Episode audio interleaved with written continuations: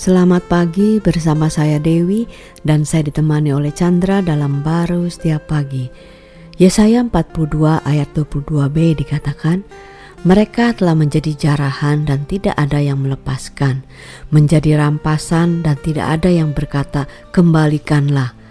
Wah ini kejadian uh, bangsa Israel dalam pembuangan ya mereka begitu uh, merasa satu uh, ancaman atau bukan ancaman, mengalami satu uh, kesengsaraan sehingga mereka tidak percaya lagi mereka itu bisa di, dipulihkan, bisa dikembalikan hak milik mereka ya sehingga ya akhirnya putus asa lah dalam dalam perkataan mereka ya. Iya, kalau kita lihat secara manusia ya lumrah-lumrah aja karena fakta hmm. yang begitu besarnya yang menekan hidup dia ya dia tentu mengeluh ya. Tentu tidak bisa mengatakan yang baik ya di tengah kejahatan ya. Tidak ada dia tidak mengatakan bisa mengatakan ada harapan ya di tengah uh, situasi yang jauh melampaui daripada kekuatannya.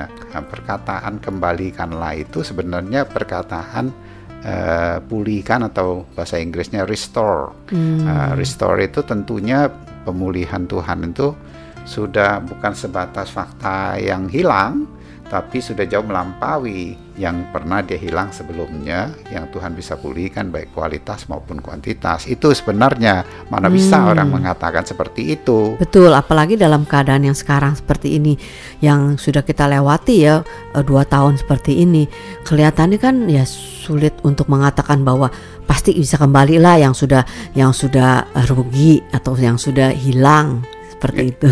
Iya, uh, sebenarnya ya kembali lagi kan kalau dilihat dari manusia kita itu ya nggak bisa. Cuma hmm. Tuhan itu kan sebenarnya ingin uh, membawa kita itu bukan sejauh kita tapi Betul. sejauh Dia yang uh, sudah uh, menebus ya. Yang sudah menebus sejauh Kristus maka dibeli roh kebangkitan.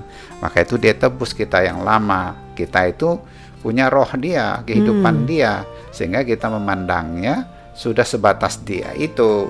Nah, kalau kita sudah melihat dia uh, yang sudah melakukannya ini di dalam roh kita, hmm. itu kita nggak terbawa wow. kepada fakta-fakta dengan situasi kondisi yang ada, walaupun kita nggak nyangkal, hmm. nah, tapi karena kita melihatnya sejauh itu itulah kita ya jauh Tuhan yang melihatnya seperti itu ya kita katakan hmm. pemulihan ada di Tuhan wow, dan jadi, Tuhan sudah lakukan di dalamnya. Hmm, artinya kita itu mempercayai Tuhan bukan berarti kita nggak boleh ngomong negatif harusnya yang positif nanti terjadi yang negatif kalau kita ngomong negatif gitu. Ya kalau manusia yang ngomong positif pun negatif ya.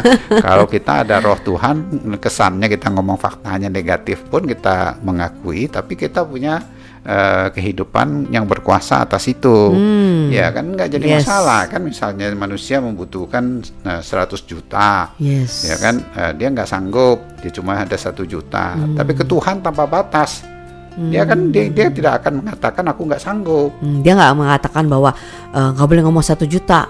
Kita harus ngomongnya yang kita perlukan 100 juta harus 100 juta. Itu kan positif iya. positif begitu kan? Iya itu bukan formula ya kan? ya kamu nggak ada Tuhannya yang ngomong 100 juta ya orang bilang kamu ngomong apa?